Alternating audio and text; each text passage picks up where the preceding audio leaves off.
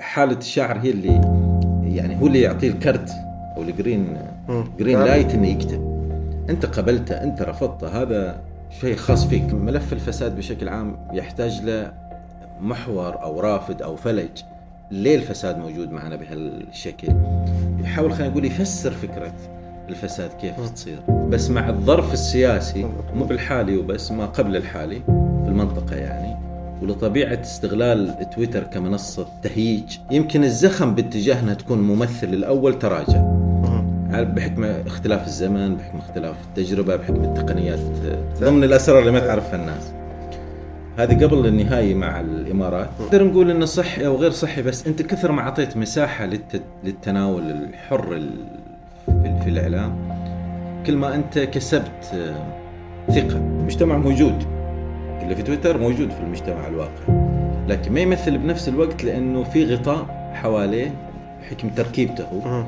كتقنية آه، غطاء وقناع كذاب ارتزينا قدام آه، يعروف وقلنا له الوالد يقول لك كيت كيت كيت كيت كيت فهز راسه قال أنا غلطان ليش؟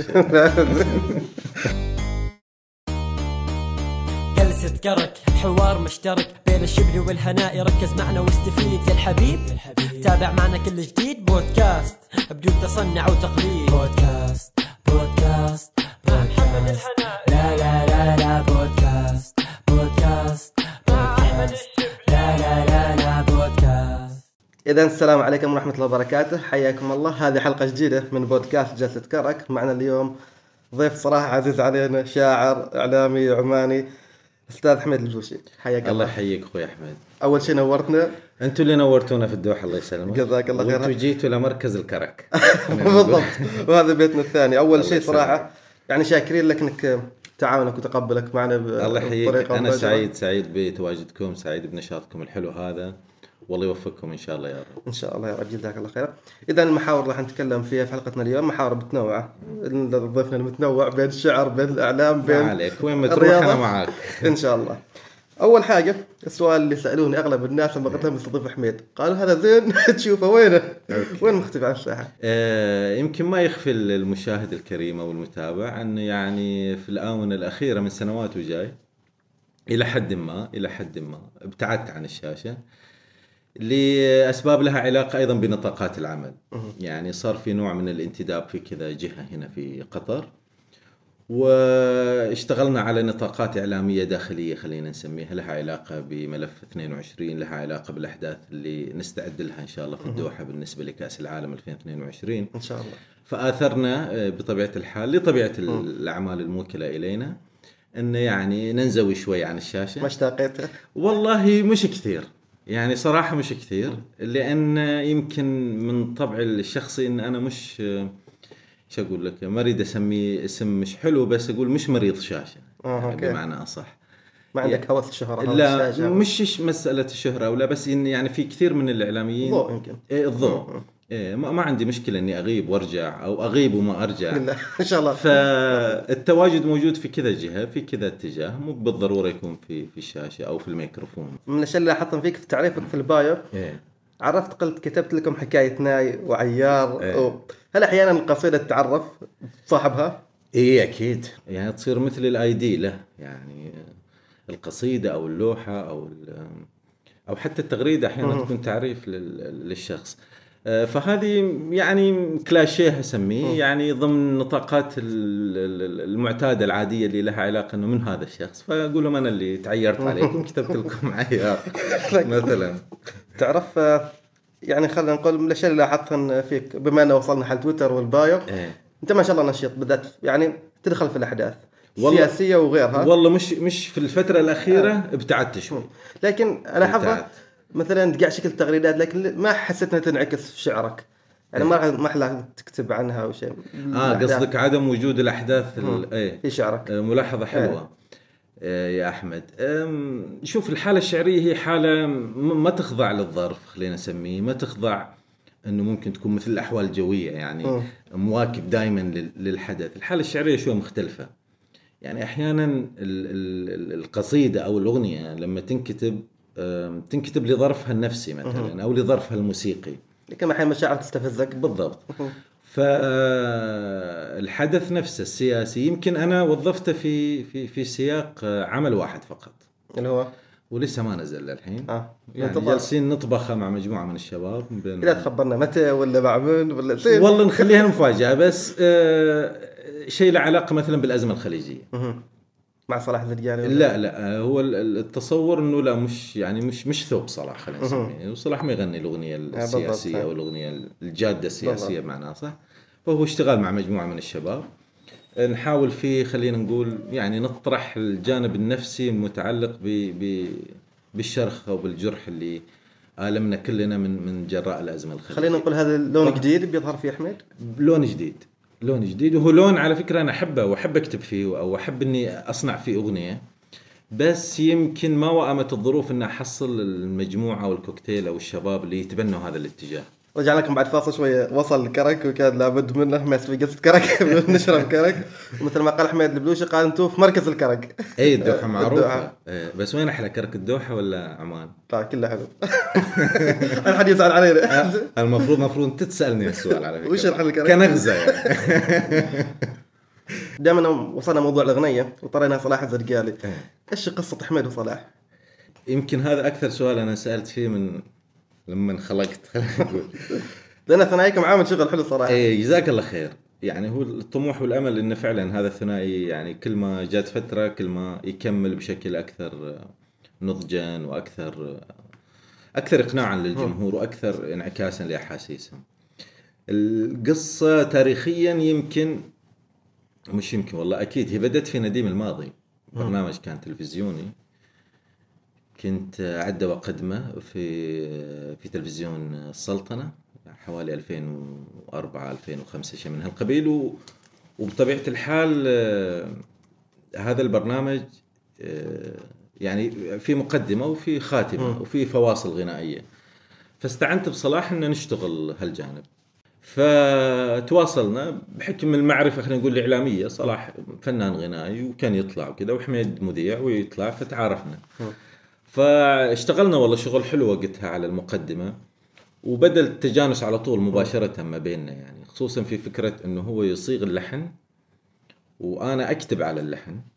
فهذه من أول تعامل بيننا بانت وظهرت يعني وبينت بيننا وكملنا من بعدها تحس أغاني صلاح ساهمت في ظهور أحمد البلوشي؟ أكيد أكيد. درجة هاي- كبيرة. هاي, هاي بلا شك. أنا يمكن بدون صلاح يمكن ما كنت بكتب الأغنية. مم.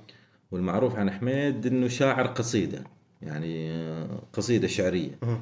يعني أقدر أسميه شايف مثل مثل الشعراء الشباب اللي ما لهم علاقة بنطاق الأغنية يكتبوا قصيدة وينزلوه وينزلوها في اليوتيوب أو في الجرايد وقتها وفي الامسيات. التحول اللي تم هو بفضل صلاح أو خلينا نقول بدعم من صلاح وبجرجرة من صلاح الكتابه الغنائية. إيه لأن أنا كنت أصلا مش مش هاوي إني أكتب الأغنية. كنت أحبذ إني أنا ما أدخل مجال الأغنية. بس مع صلاح حتى فيها بعيد. بالضبط. أتوقع حتى صلاح صار يجيب لك الحان يقول لك اكتب عليها بالضبط بالضبط اللي صار. ويمكن حتى كان تخوف إني أنا ما أظهر باسمي الحقيقي. وهل طلع في البدايات؟ ما طلعت. اسم بالاسم الحقيقي. كان في أغنية عسى ما يوحش غالي. كتبت تحت اسم العايد. مهم. إيه. فكنت متخوف من التجربة ندخل ما ندخل يعني. كنت بكتبها إذا نجحت؟ بيمشي بيمشي الحال بنغير. إذا ما نجحت ترى بنظل على نفس ال... لا والحمد لله إذا نجحت بقولها ما أنا كاتب أحمد البلوشي بالضبط هو اللي صار. إذا ما نجحت بتبرر بالضبط. آه خلينا نتكلم هنا آه دامنا يجيبنا طار القصيده آه إيش مقياس نجاح القصيده بالنسبة لأحمد البلوشي؟ والله شوف القصيدة مثلها مثل العطر مثلها مثل الفاكهة. مثلها مثل المشروب كرك ولا قهوة. مم. في حد يعجبه هاللون في حد ما يعجبه هاللون في حد يحب طعم مختلف والثاني ما يشاركه هالطعم يعني إذا جبت اليوم سلة فاكهة في حد بيختار فراولة في حد بيختار عنب في حد بيختار رطب.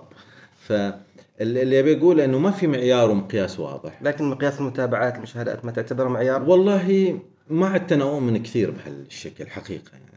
أنا بشكل شخصي إيش يعني لما لك تشوف؟ آه، الذائقة الشخصية.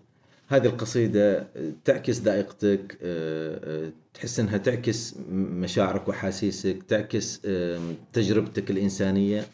هذا هو المقياس. مسألة الانتشار وعدد المشاهدات و... والمتابعين الكثار. وهذا الهوس الحين اي ما أعتقد إنه مقياس حقيقي ل... ل... ل...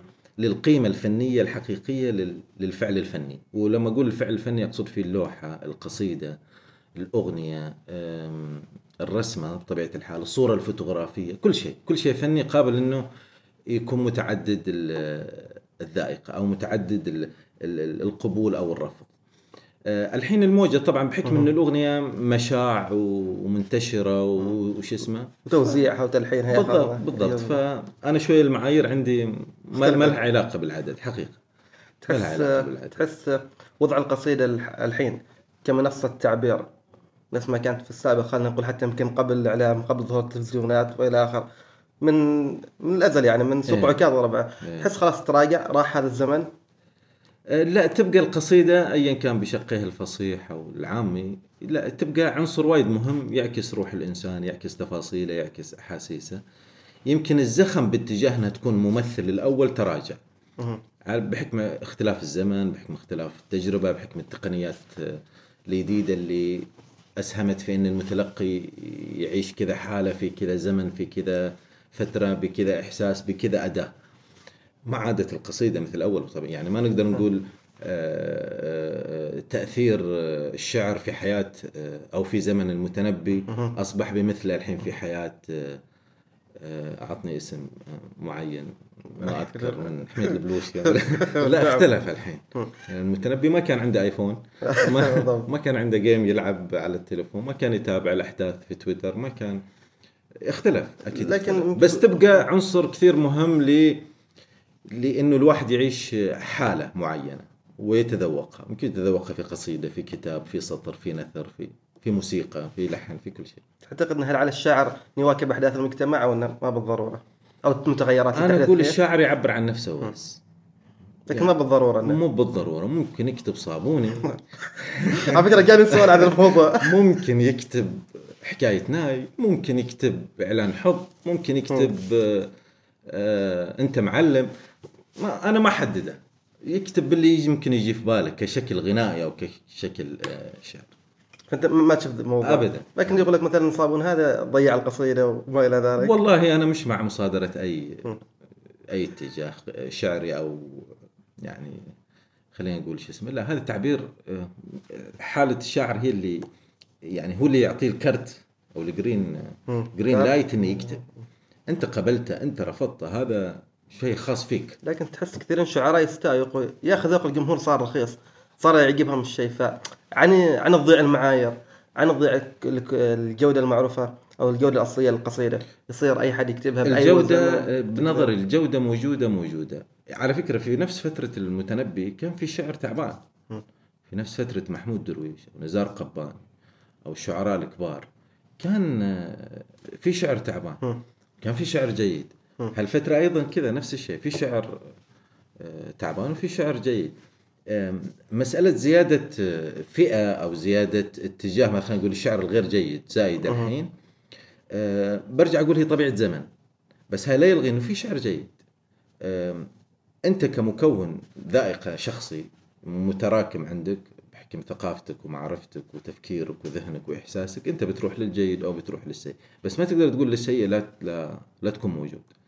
لأن السيء لو ما كان موجود ما بتعرف الزين اقرب القصائد حل حميد آه والله وايد يعني من المغنات ومن غير المغنات خلينا نقول. المغنات بس يمكن المغنات. أنا وايد وايد يعني كل ما أسمع ال ال ال الإعلان حب يعني أنا أستغربني أستغربني أنا ليش؟ والله واستغرب صلاح يعني ليش؟ أسمع كأنه العمل مش مش تبعنا كأن العمل منتج آخر آه، وإحنا متلقين له كأنه جمهور أنا كثير أتأثر بهالعمل في العادة أنت تحب كثير. تسمع أعمالك ولا في ناس تقول لك لا أنا أكره عملي خلاص سويت يسمعوا الناس أنا عن نفسي ما لا. وحياتك أنا أسمع وهري سماع و- أه، وأسمع وهري سماع قبل لا ينزل أيضا. على أساس نكون دقيقين ونسمع التفاصيل والتغيير اللي ممكن يتم يعني في اشتغالنا أنا وصلاح دائما ناقدين ذاتيين بشكل بشكل كبير لا أنا أحب الأعمال وأسمعها. لما نتكلم بننتقل حال محور ثاني اللي هو محور الإعلام. سنة 2014 مع البلد قلت أنت إن الإعلام العماني في مرحلة نضج. ذيك الفترة كان خلال ذيك السنوات. أوكي. هل تعتقد إنه وصلنا هالمرحلة وإحنا 2019 اليوم أو؟ إيه تركي البلوشي. آه بالضبط. مسيه بالخير. جزاك الله بالخير تحية لك. طبعا بودكاست سكة وشغالين. بعد إيه إنتم منافسين إذا بالضبط. إيه الحين عرفت. يلا دعاية.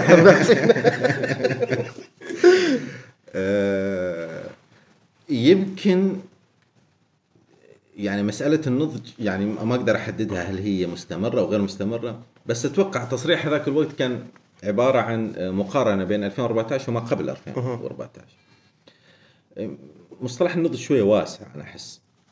من الصعوبة أنا الحين أقول في اثنين في 2019 إنه والله وصلنا لمرحلة نضج. ما في شيء اسمه نضج كامل لا توصل حتى. شوف كيف الواحد يغير مثلا آراءه أو اتجاهاته مع الزمن مع التجربة مع المعرفة أكثر. فإذا كنت أنا قلتها في 2014 لا أسحبها الحين. أقول ما في وصول لمرحلة نضج آه، كامل أكيد. في تجربة وتمر بمراحل وتمر بإرهاصات وتمر بمكونات. السؤال هل تطور الإعلام؟ بالضبط. يصاغ بهالشكل بشكل أدق. آه، أنا أعتقد أنه تطور في الناحية البصرية أو الشكلية لكن ما زال من الناحية المضمون لا يلبي كثير من حاجات آه، المجتمع. هذا بتغير كلامك من ذاك الوقت. آه قلت نفس الكلام بالضبط. إذا ثابتين. إذا ثابتين. من الأشياء اللي نوهت عليها إن الإعلام العماني أداة. أداة فعلا. لا زال. أكيد أداة. أداة أسميها أداة تنموية يعني. أداة تنموية حالة من حال كل الأدوات التي يعني خلينا نقول في يد الحكومة أو في يد ال- السلطة معانا. والقطاع الخاص. طبيعي. وأعتقد إعلام القطاع الخاص لا يزال يعني قد يكون يعني محاول أنه يعكس بعض التفاصيل الخاصة بالمجتمع لكن لا يزال في نطاقه ينظر إلى العنصر التجاري. وهذا حق له. طالما أنت دخلت هذه المعمعة كقطاع خاص في مجال الإعلام ف لكن بطبيعة الحال بتبحث عن الربح وبتبحث عن الاتجاه التجاري لأن أنت مؤسسة خاصة. تحس استغل وضعه. الإعلام الخاص كونه ما عنده سقف ما عنده مؤسسات ينتمي لها ضوابط أقل. هل خذوا خلينا نقول أخذوا راحتهم أو سقف القراءه والشفافيه بطريقة والله أنا أو يمكن أختلف إنه ما عنده سقف. الأعلام الخاص. أعتقد إنه عنده سقف وعنده ضوابط وعنده رقيب ويمكن يكون أشد من الإعلام الحكومي لأنه يراعي مسألة إنه لو تعدى خط معين يمكن يتوقف أو ممكن ينذر أو ممكن يعني يعاقب. فتحس إنه ما فرقت يعني. فبيفلس. مم. فخطوطه بالعكس يمكن خطوطه أعلى. كونه قائم على عنصر البزنس أو العنصر التجاري. هذا وضع صحي ما نقدر نقول إنه صحي أو غير صحي بس أنت كثر ما أعطيت مساحة للت... للتناول الحر ال... في... في الإعلام كل ما أنت كسبت آه، ثقة كل ما أنت هدمت هو أو فجوة بين المؤسسة الرسمية وبين الشارع مثلا. هذه بتعتمد على السياق اللي يطرح أو على ال- ال- المشرع اللي يشرع هذا النوع من الاتجاهات. هل هو يريد مساحة من. الحديث من الحرية من تناول القضايا ولا هو عاجبه أن يكون بهذا الصندوق اللي هو صندوق المحدودية لابد أن يكون محدود. فأنت تعتقد مسألة مسألة مشرع بالدرجة الأولى؟ بالضبط بالضبط. مشرع موجه بمعنى صح طبعا هو ما في شخص أنا أذكر آه، يعني بالضبط. أو. جهة. هي حالة بس تحسها أنت. يعني مثلا في لقاءات عديدة في القنوات الإذاعية الخاصة تم إلغائها مثلا. معك أنت؟ لا لا آه. بشكل عام. أها. أنا لا ما- ما صار معي. أنا جيب مثال في بالي بس يمكن ما أقدر أقوله الحين. براحتك أنت والسقف اللي عندك. شوف حتى أنت عندك سقف. بالضبط بالضبط.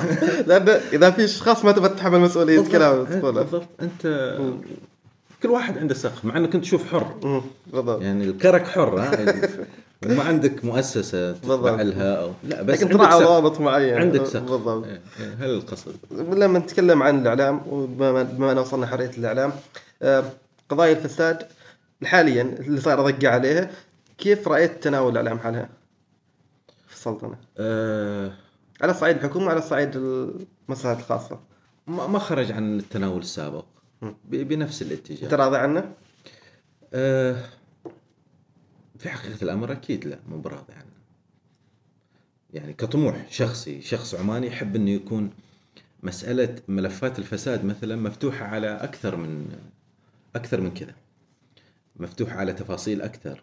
لأن أعتقد المسألة لابد أنك أنت تعطي الشارع حقه في معرفة آه، التفاصيل اللي مر فيها هذا الملف. آه، لكن بنفس الوقت أثق تماما أن مسألة معالجة أنا ما أتكلم عن شكل الاعلام الحين أتكلم عن المعالجه المعالجة تمشي في اتجاه آه، واضح وجيد. وبنفس الوقت أيقن أنه مش بالضرورة هذه المعالجة ينحط فيها الناس أول بأول. بس أنا اللي اتمناه أنه معالجة ما قبل الفساد من قبل لا يوقع. يعني مسألة مثلا وجود اختلاسات وتغطيتها اعلاميا بشكل ال- المعتاد بعد ما تطلع وتروح المحكمة و- هذا هذا أمر طبيعي. يعني ما ابتكرنا شيء أو ما جبنا شيء. لكن أنا أقصد ما قبل.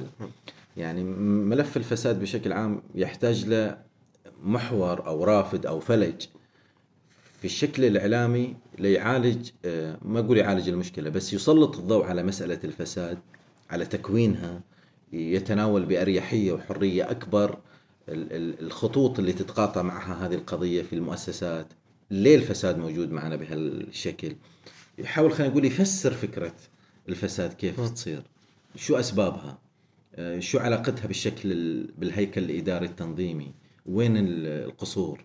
هذا أقصد بالتناول لكن ما- مش بتغطية ال- التغطية قد يمكن عادية. يجب حتى السلك القضائي ياخذ. راحته في الموضوع. بالضبط. هذا هذا شيء اعتيادي. جدا. ممكن ال- ال- ال- ال- الجلسة أو جلسة القاضي القاضي يقول لك في جلسته أنت اليوم تعال غطي بس بكرة لا تجي تغطي. صح. هذا حق له. بالضبط. هذا حق له الموضوع في النهاية يعني من ينظر إليه من م- من من مناظير أخرى. بالضبط. بس أنا أقصد تناول الفساد نفسه مش بتغطية الأخبار. بمعرفة جذر هذه القضية. تحس ان الإعلام المفروض يكون مراقب على الأداء. أعتقد نعم.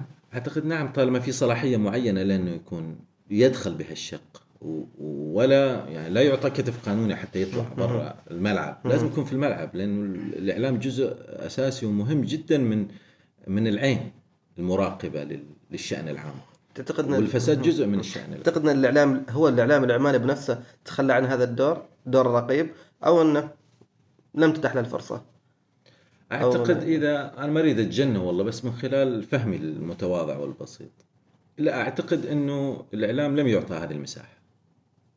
لم يعطى هذه المساحة إنه يكون شريك في مسألة رقابة مؤسسات. المؤسسات ويكون عين فاحصة للمسألة هذه. لم يعطى هذه المساحة إلى الآن.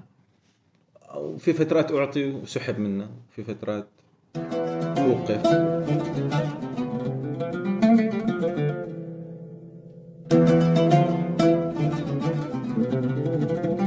اشراك الشباب في صناعة القرار هذا من المواضيع اللي حسيتهم كثير واللي تتبناها بشكل كبير إيه. هل نتكلم عن رؤية عمان 2040 كان في محاولة أو خلينا نقول بادرة من الحكومة إنها تشارك الشباب في صناعة القرار وكان في مؤتمر و- واجتماع شباب وين تحس وصلنا في هذا الموضوع؟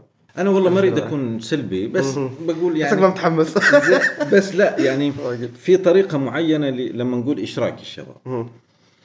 فإشراك الشباب ما يجي بشكل إذا عندكم أفكار جيبوها وإحنا بناخذها. أنا أنا سوري على الكلمة يعني بكون صريح. هذه نوع من محاولة آه، تخدير أنا أسميها. يعني هالنوع من التقنيات. تعمل مؤتمر تجمع الشباب ويجيبوا أفكاركم والشباب يتحمس ويسووا ويقعدوا ويتبطحوا على الأرض. هذه نوع من محاولة تخدير أو امتصاص أنا أسميه. وأقول هالشيء آه، يعني وعيا مني بآليات آه، آه، بآليات كنترول الراي العام بحكم التخصص. ف إشراك الشباب يجب أن يأتي عبر آلية أوضح من هذه الآلية ال- الإعلامية أو اللي, غير اللي, فيها شو إعلامي أكثر ما فيها مضمون. تمكين الشباب من القرار يجب أن يأتي بتمكينه في في كثير من مواقع القرار نفسها. في صياغة الرؤية مثلا قبل لا, لا, لا تنزل. مش أصيغ الرؤية وأقول للشباب تعالوا ساعدوني. آه، دو ندور على على مكان أو هيئة أو تشكيل يلم هذول الشباب ما في. لجنه وطنيه للشباب. علامة استفهام كبيرة وأحترم شغلهم لكن أحسهم مش ادي دورهم؟ آه، مش في الدور اللي يؤدي إلى إشراك الشباب. قد يكون لهم دور معين بس مش الدور اللي في نطاق النقطة اللي تطرحها وغيرها من من من الأفكار ومن الطرق اللي ممكن أنت تبين وتظهر فعلا إنك قاعد تشرك آه، آه، الشباب مثلا. ليش الشباب لم يدخلوا في صناعة القرار كون غيرهم أكثر خبرة. شوف هو لا يلغي وجود الشباب آه، لا يلغي العنصر ال- ال- اللي خبرة بس الطرح كان إنه كيفية ممكن إشراك الشباب في القرار وليس إقصاء الآخر. يعني أنت ممكن الاثنين يكونوا مع بعض ما عندك مشكلة. بس أنا أقصد إنه لحد الحين ما في واضح لي فكرة إشراك الشباب في صناعة آه، آه، القرار. ما وجهة نظر. حميد البلوشي وتويتر. هل تحس إن تويتر ساحة جيده للنقاشات والصراعات الفكرية؟ ابدا. ابدا. اذا مساحة إيش تويتر؟ بيئة على قولة إخواننا المصريين. بيئة آم، قول في بالكم شيء مثلا؟ ال- هو مش طبيعة ال- شو اسمه يمكن شكل تويتر أصبح الحين بعد فترة من التجربه يعني مختلف عن قبل. يعني تحس البيئه ضاعت. آه، ما عاد مر يعني مكان أو منصة ممكن تتبادل فيها الأفكار. أو طبيعته وطبيعه تويتر نفسه تشكيلته عدد الحروف اللي تكتب فيها طبيعة النقاش فيها. حقيقة ما اشوفها يعني أنا كنت يمكن من الموهومين. إنه تويتر قد يكون منصة فكرية حلوة تطرح فيها أفكارك ويبادلك الآخر الفكرة ويعارضك ويوافقك وتدخل في نقاش. بس مع الظرف السياسي مو بالحالي وبس ما قبل الحالي في المنطقة يعني ولطبيعة استغلال تويتر كمنصة تهييج وشحن أكثر ما هي منصة أخذ وعطاء آه، فقد آه، فقد هذه هذا هذا الواقع؟ المبدأ اي فقد هذا المبدأ اللي كان هو موجود عليه قبل. طبعا هو فقدانه مش في ذاته. هو فقدان هالشيء نتيجة استغلاله بشكل سيء من قبل حكومات اتجاهات آه، تعتقد تويتر ما يمثل واقع آه، بالضرورة؟ تويتر حالة شوي كذا معقدة. هو يمثل وهو ما يمثل. يعني كيف أقول لك؟ فقدت الثقه فيه تحس نفسك؟ لا جدا. أنا شوي واطلع. والله. شوي واطلع. يمثل انه هو هذا المجتمع اللي قاعد تشوفه هو مجتمع موجود. اللي في تويتر موجود في المجتمع الواقعي. لكن ما يمثل بنفس الوقت لأنه في غطاء حواليه بحكم تركيبته مهم. كتقنية آه، غطاء وقناع كذاب. فممكن أي حركة كاذبة فيه تصير حقيقة. لكن هو حقيقه هو هو كمكون هو حقيقه لأنه هو من المجتمع. أيوه. لكن بنفس الوقت تركيبته كذب ما أدري إذا الفكرة واضحة. يعني بس أنا بروحي قلت هالكلام مش مش متأكد إني فاهم. أنت في نطاق بس أنت في نطاق اثنيت حتى على مثلا وزير النقل والاتصالات الفطيسي إنه يتفاعل في تويتر ويرد على الناس. وكذا. تحس انه هل يجب على مسؤول إنه يس- يقوم بهذا الشيء؟ يفتح حساب في تويتر يرد على الناس. لا أصبح ضرورة بالنسبة له. بالنسبة. ليش للمس... ليش أنزل الناس وأخذ وأشد وجذب وأعطي معهم؟ لأن إذا تبي تكون شفاف وواضح وإذا أنت عندك نفس طويل لابد من إنك تدخل. ما بالضبط يمكن يأثر على قراراته أو إنه مثلا والله أفكر فيها معاه أحسن له ما يدخل. في في حد كذا واحد دخل وكان يعتقد العالم وردي وغرد تغريدتين بعدين قال أنا ما راح. أو يقفل وقفل وسواها ومسؤول وما أريد أذكر اسمه. وأظن انت عارفه لا ما أقول. زين. لا يحاكمونا بعدين.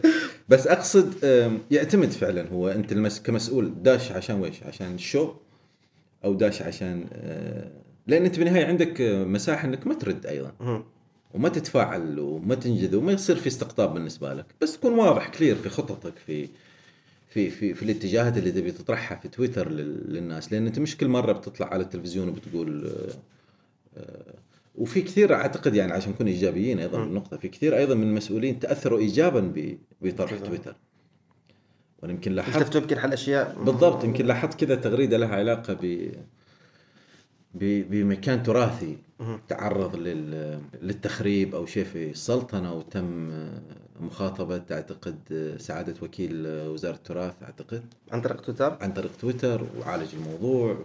يعني أقصد بالنهاية مش كله سيء. جيدة توصل. بالضبط هو يعتمد أنت كيف ممكن رأي تتعاطى معه هنا في منطقة حساسة إيش كنا بندخلها تو وهي آه، المنطقة. القدم العمانية إيه. والدوري العماني أنت ما تكلمت مع خليل؟ تكلمت مع خليل؟ اسمع رأيك أنت إيش رأيك في كلام خليل دامك طريقة خليل أي واحد التصريحات الأخيرة عن الاتحاد العماني ومحاباته وما إلى ذلك أنا خليل أحبه وايد. يعني واسم نفخر فيه بشكل كبير جدا. هو صديق يعني كلامي فيه مجروح للغاية هذا المخلوق أبو مشاري حبيب وعزيز وأخ كبير. له أخ أصغر أنا أكبر منه. زين لكن يمكن هو قال حقيقة أنا شفت له كذا لقاء ما بعد موجة الانفعال. تعرف شوف ال ال ال الواحد حتى وإن كان في الصورة الإعلامية يظهر إنه إعلامي ترى بالنهايه لحم ودم. يعني يتفاعل و... و... و... ويعيش آه، الشق الوطني في في في في داخله وهو يشوف مباريات منتخبه ويبي الافضل. وقالها يعني أبو مشاري الله يذكره بالخير انه يعني هو انفعل في في في سياق كان التعليق وكذا وما, وما ينلام حقيقة ما ينلام. مع إني أنا ما شفت المباراة أو ما شفت المباراة فعلا. يعني صار لي ظرف ما شفت المباراة تابعت آخر دقائق لما الجولين وما نريد إحنا ندندن عليها وايد لأن إحنا مقبلين على ما هو أجمل. شاء الله. آه، فكلام خليل له علاقة بنقد منظومة كروية. ونتائج هذه المنظومة تظهر دائما على أرضية الملعب أو في الفريق اللي يلعب اللي هو المنتخب الوطني. لما المنظومة تشتغل حلو فالمنتخب يلعب بشكل حلو. لما المنظومة تشتغل وحش على قولتهم فأكيد بينعكس على المنتخب. فمن هالباب جاء كلام خليل. بغض النظر عن الطريقة الأسلوب الكلام الحدة الانفعال هذا شيء آه، له الظرف النفسي ال- ال- اللحظي. لكن الأكيد إنه ما قال هالكلام إلا من حرصا وحبا يعني. من حقه. أكيد. ويمكن مثل كثير من الأصوات ال- بالضبط. قال برات فؤادنا. بالضبط. وايدين قالوا له برا تفادنا يعني. مع أنه يعني أيضا في جانب منه قد يكون بالغ أو شو اسمه بس هي طبيعة الإنسان. لا يلام فيها. لكن بشكل عام اللي ابي اوصل له في مسألة المنتخب إحنا أمام فرصة تاريخية إن نتأهل ونجي نلعب. هنا على بعد ساعة وربع من إن جمهور عمان في 22 يكون مالي الدوحة. مش ماليها كمتابع لكأس العالم. فريقه يكون مشارك. يشيل علم بلاده. يتواجد بصفته مشارك لأول مرة في تاريخ الكرة العمانية فهذه فرصة أنا أعتقد إنه كان من الأولى انه نخطط لها من بدري من لما تم الإعلان عن استضافة قطر والظروف قاعدة تساعدك بشكل أو بآخر إنك بالفعل تكون فريق مرتب وقوي جدا وبالتدريج تصنعه وتبنيه بعناصر تؤدي إلى إنه يكون فريق منافس وقوي ويحجز مقعد ويكون موجود. الشكل اللي ظهر فيه المنتخب يمكن من أول مباراة ما كان يوحي بهالشكل أو بهالنطاق المأمول للأسف. فمن الطبيعي ال- الجمهور من هني لين نهاية التصفيات تلقاه على نار. والصدمة بتصير كبيرة وأنا أحضر الجمهور من الحين. أن يا جماعة الخير لا تتأملوا التأهل لكن بنفس الوقت لا تقطعوا الأمل بالتأهل.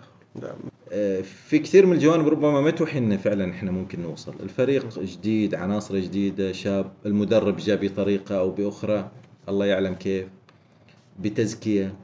يعني ما أعتقد انه مثل هالعناصر بتخدم تكوين منتخب ممكن يحجز موقع. تحس في ناس يعني- ما موجودة؟ بالضبط يعني قرار أو قرارات قاعدة تمشي في اتجاه يعني وايد زعل وايد زعل. وتواصلته مع الاتحاد؟ أنا متواصل مع بعض عناصر. في في, في الاتحاد. وبس بس كل ما قعدت معاهم أو سولفنا يشتكوا من يعني من تركيبة أيضا هم يعيشوها. مو قادرين ياخذوا فيها آه، قرارات ومو قادرين يمارسوا فيها صلاحيات واسعة. من الآخر كذا يشتكوا من البيسة يعني. زين؟ يشتكوا من الخردة. القرش معهم يعني إمكانيات ماشي إمكانيات ماشي لكن بنفس الوقت لما نتناقش ونقول ترى حتى في ظل الامكانيات الحالية أنت المفروض ما تشتغل بهالاتجاه. المفروض تشتغل باتجاه أكثر آه، اجاده أو أكثر آه، يعني سبيلا إلى إيصال المنتخب للدوحة 22 ف لكن يقول لك إذا مستوى التخطيط والاستراتيجيات والطموح ما يتعدى كأس الخليج. والتصريحات باينة. غير كأس الخليج يقول إحنا قاعدين نشارك. ما ما أعتقد هذا السقف وما يعني بالنسبة لي مجلس إدارة الاتحاد حاليا يعني لو قالوا بيأكلهم الجمهور. ما أعتقد. هم داشين على أساس إنه يبغوا يتأهلوا. إذا قالوا غير هالكلام يعني بيصير ربيع عربي. لكن في مبنى الاتحاد في السيف لكن الكلام ما كفاية. لازم يكون لك في استراتيجية واضحة بالضبط. في خطة واضحة. أقول ويمكن دائما كنت أشير إلى نقطة شوي أبعد عن المحور. كأس عالم أو كأس خليج أو كأس آسيا أو غيره. كنت أقول يا جماعة الخير الرياضة عندنا ليست هدف آه، بحد ذاته يبدو يعني كذا من السياق. آه، ليست هدف للوصول إلى مرتبة كبيرة لأنه إذا أنت تبي تكون الرياضة لك صوت ولك اتجاه أنت ك ك ك كمنظومة آه، حكومية بتحط هذا آه، هذا البند أو هذا الشق اللي هو الرياضي في سلم اولوياتك. الرياضة ليست من سلم أولويات البناء في السلطنة. نأخذها كذا بصورة واضحة. فما ممكن طالما هذا الاتجاه مش موجود ما ممكن أنت توصل لنقطة معينة إلا عن طريق الصدفة.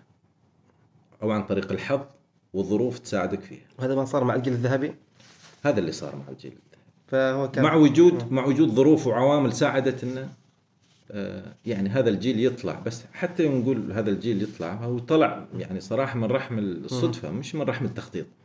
يمكن حتى كعناصر. ولما وصل وصل لحد وين؟ كاس خليج. فزنا بكاس خليج. ما رحنا أبعد من كذا لأن ما ممكن تروح إلى أبعد من كاس الخليج إلا إذا بديت تبني صح هدفك وبديت تعطي هذا الجانب الرياضي أولوية عندك. لما أقول أولوية يعني مثلا الميزانية المحطوطة المرصودة في الشق الرياضي لازم تكون عالية جدا. وبصراحة إحنا هذا مش موجود معنا. ما مدركين بأهميته ما الان مش مدركين هو خط استراتيجي لدى السلطة أو لدى الحكومة أو لدى صانع القرار معنا.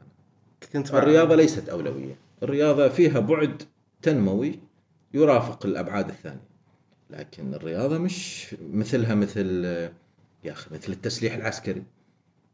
فاهم علي؟ مش مثلها مثل شق الطرق. مش مثلها مثل بناء مستشفيات مثلا. مش مثلها مثل بناء مدارس لا. هذلاك أولويات اللي تكلمت عنها. الرياضة رافد شيء مكمل شيء ثانوي. ثانوي يمشي الحال. لذلك دائما كنت أقول حتى ما نلوم التشكيل اللي موجود في الإدارة الحالي مجلس إدارة الاتحاد أو الإدارة السابقة أو الإدارة اللي بتي. حتى على اللجنه الأولمبية الرياضات الأخرى. حتى على كل. شيء. آه. حتى على كل شيء. يعني فيا ناس لا تزعلوا لأنه ما حصلنا ميدالية خشبية مثلا لبطل أولمبي. إنزين لسبب بسيط. ما أقول لا تزعلوا لأن لا أكيد من حقهم يزعلوا بس أقول لهم افهموا الواقع. الواقع شو يقول؟ الرياضة تحتاج لقرار سياسي. هذا مقال كتبته من 2000 و يمكن 9 أو 2007 في جريدة كوروبس. القرار سياسي على جزئين في الجريدة هذه وكان واضح فيه كل الاتجاه ان محتاجين قرار سياسي. هل قرار سياسي مش موجود؟ فبمجرد وجود قرار سياسي تعتقد إن البيئة راح تكون أفضل. بالضبط. أكيد. اي شيء يتبنى من ال... من الجانب من قمة ال- الهرم السياسي ومن صانع القرار السياسي أكيد بيكون له أولوية. كم يبعد دور العماني عن الاحتراف؟ آه سنين ضوئية. إيش كذا ما قاعد نوصل ولا ضحكوا. ليش؟ نرجع لنفس ال... ما في قرار. ما في قرار سياسي. ما في قرار سياسي ل- ل- لجعل الرياضة أو الكورة عندنا في سلم أولويات. عليا. والأداء الإعلام الرياضي. الله يعينهم. الشباب أقول الله يعينهم. يعني الشباب الزملاء في في كل القنوات الخاصة مثلا الإذاعية أو آه، الشباب في التلفزيون في القسم الرياضي في القناة الرياضية أقول الله يعينهم. الله يعينهم لأن أكيد هم يواجهوا صعوبة لها علاقة بال بالمكون اللي شغالين فيه. الموضوع نفسه يعني. إيه، الموضوع المادة نفسها أو الجانب ال- ال- المادي يعني أيضا عارف؟ آه، أنا ما أدري صراحة كيف القناة الرياضية ممكن تمشي أمورها في ظل ظروف ميزانيات محدودة وصعبة. طبعا. أكيد ما ما راح تنتج مادة بصرية رياضية قوية طالما أنت أيضا محدود آه، الإمكانية. على الرغم من وجود كفاءات خلينا نتكلم. لا الكفاءات آه، حدث ولا حرج. آه، يعني في عمان وبرا عمان. حدث ولا حرج. يعني انت لاحظت؟ لا بالضبط. جينا قابلنا ناس كثير نسجلنا معها الأخ محمد ما شاء الله. شيماء الحمالي. وشيماء طبعا. يعني إذا. ما قلنا إنه النطاق الرياضي النطاق الإعلامي الواسع. بعيد عن الجانب الرياضي خلينا نروح نعد من حيث البداية من حيث الطفولة. إيه. طفولة أحمد البلوشي شيء من ذكريات الطفولة. والله يعني الطفولة كد يعني نروح ونجي عليها أنا أقول دائما إنه بدية هي مكون أساسي. أنا وايد اكرره دائما. وأكرر كذا باعتزاز وحب وفخر. إنه أنا نشأت في بدية وفي البيئة هذه البيئة المفتوحة تماما على الأفق. ويمكن هي المسألة الشعرية أيضا لها علاقة ب بتواجدي بهذه بتواجدي بهذه البيئة. ف الطفوله كانت آه، مثل ما تشوف حميد الحين ميكس يعني. أشياء. كذا. متعددة خليط كورة على شعر على آه، على قرية جميلة صغيرة على عائلة صغيرة على جيران على تفاصيل على فلج على نخل على موقف. رمل على موقف من طفولتك تتذكره يعني أذكر مثلا ال- ال- الشرارات الشعرية اللي لها علاقة بالطفولة إنه مثلا ال- الوالد الله يرحمه كان آه، شاعر أيضا ما شاء الله آه، وشاعر طبعا بالعامية يعني كان يكتب ميدان و... فأنت لما تعيش في هالبيئة أكيد بطبيعه الحال تسمع ال... الإيقاع تسمع النغمة تسمع المفردة فبشكل أو بآخر تتكون عندك. فأذكر مرة كنا جايين بالباص من المدرسة. إحنا نسكن منطقة اسمها الواصل والمدرسة الإعدادية اللي يروح لها في المنترب. المنترب هي مركز العاص... مركز بديه يعني. وتبعد تقريبا 6 كيلو متر الواصل عن المنترب فنروح بالباص أنا وأخوي عبيد. وعبيد أيضا شاعر. ما شاء الله. ف عائلة شعرية. ما أنا أقول لك البيئة كلها تساعد. فأذكر إن آه، سايق الباص الله يذكره بالخير الشايب آه، يعروف. آه، ويطول بعمره إن شاء الله يا رب. آمين.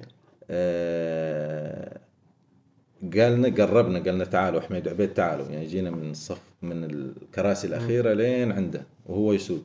فقال كتبوا عندكم. فقام يملينا شعر. أنا ما أذكره. ما أذكر منه ولا كلمة يعني. الشعر كان ميدان. قال سمعوها أبوكم.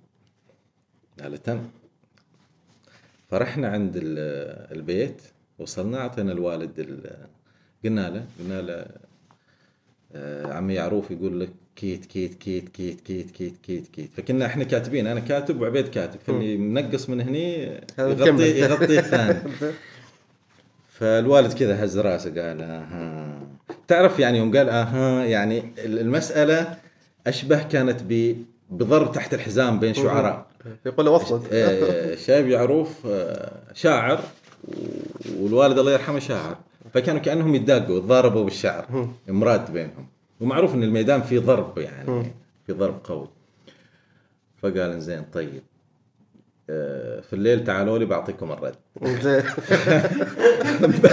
بيت هو الكلام وجهز نفسه وجينا في الليل قبل لا ننام. وملانا قال كتبوا كتبنا. رحنا الباص على طول الصبح اليوم اللي بعده على طول ارتزينا قدام يعروف وقلنا له الوالد يقول لك كيت كيت كيت كيت كيت. فهز راسه قال أنا غلطان ليش؟ شكلها بقص عليه؟ ليش أقول لكم كتبوا فهي بس تعطيك دلالة إن أنت لما تعيش في بيئة مثل هذه طبيعة الحال. بتتأثر. وبتكونك يعني بتكون آه، داخلك آه، بتساهم في تكوينك وممكن تطلع لاحقا ك كشعر إيه،. تطلع كشيء آخر. والحين طبعا طلع حميد البلوشي وصار شاعر وما يسمع عليه شاف من شعره. والله توهقني يا أبو حميد الجمهور بيزعل علينا كيف جايبين شاعر ما عليه إيش تبي؟ تبي رياضي؟ اللي تحبه. اللي تحسه. يا أخي ذكرت المنتخب فأنا أحمد كانه أحمد كانو يقول يا شكر غالي يا سبب. هاي معروفة الجمهور. صارت في كأس الخليج. يا شكر غالي يا سبب. أبو مبارك. يا ريحة الجيل الذهب من اللي بقى واللي بيجي واللي ذهب. يا ارتكاز الرمح في عين المهب. يا ارتكاز ونص ما يعرف تعب. يا الصباح ويا العتيم. يا سور بهلة يا قديم. كانوا معك ربعا وكانوا راحوا سوا وما زلت. كانوا. هذه أذكر إن طرشت لي. طرشت لي إياها متى؟ يعني ضمن المقلس، الأسرار. ضمن الأسرار اللي ما تعرفها الناس هذه قبل النهائي مع الإمارات في الكويت فريق طبعاً. 23. إيه أنا كنت قاعد أفكر في ساعة متأخرة من الليل المباراه بكرة كلنا متحفزين طبعا وخايفين يعني ممكن نفوز ما نفوز فكنت أفكر كيف ممكن نحفز اللعيبة. فجاء في بالي إنه العنصر الأهم اللي اللي يرتكز عليه المنتخب هو كانوا كونه يمتلك خبرة ميدانية واسعة جدا في النهائيات وهاي والشباب من حواليه لسه هذا أول نهائي النهاية يمكن. يوصلوا يعني. أوكي البطولة ما كانت وايد قوية فنيا بس إحنا كنا الأفضل حقيقة. بالضبط. فدورتها في راسي دورتها في قلت خليني أكتب في في في كانو وار- وأرسل له بشكل شخصي. لحتى يستشعر مسؤولية إنه هو قائد في الملعب وإنه هو آه، وكان قدها فعلا. فطرشت له على الواتساب. إيش رد عليك؟ قلوب حمراء وأوكي. وهذه. وذيك الساعة كانت اعصابه هو وحده. كانت اعصابه عاد ما عاد ما أدري دمرته ولا أعطيته حافز أكبر؟ بس بينت. أعطيته حافز أكبر. بينت ما شاء الله. انه يعني على المباراة نفسها كان جدا. وكانوا أكيد من الأسماء اللي وايد وايد وايد نعتز فيها. حتى كنا نتمنى صراحة نلتقي هنا بس إن شاء الله لنا جايات في ثانية. الجايات إن شاء الله.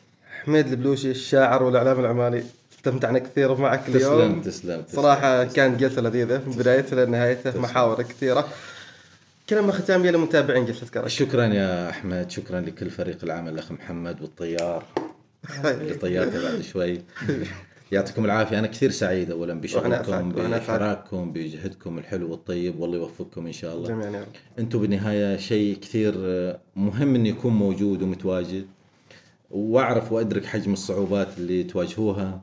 يعني يكفي جيتكم للدوحة بمعداتكم بال light بكل التركيبة هذه وأتمنى لكم يا رب التوفيق. جميعا يا رب. وإذا من دعوة خالصة لكم اللهم ب sponsor يشيلكم إن شاء الله. لأن هذا عنصر كثير مهم. بالضبط. بس sponsor ما يحدد لكم سقف. الله يسمع منك.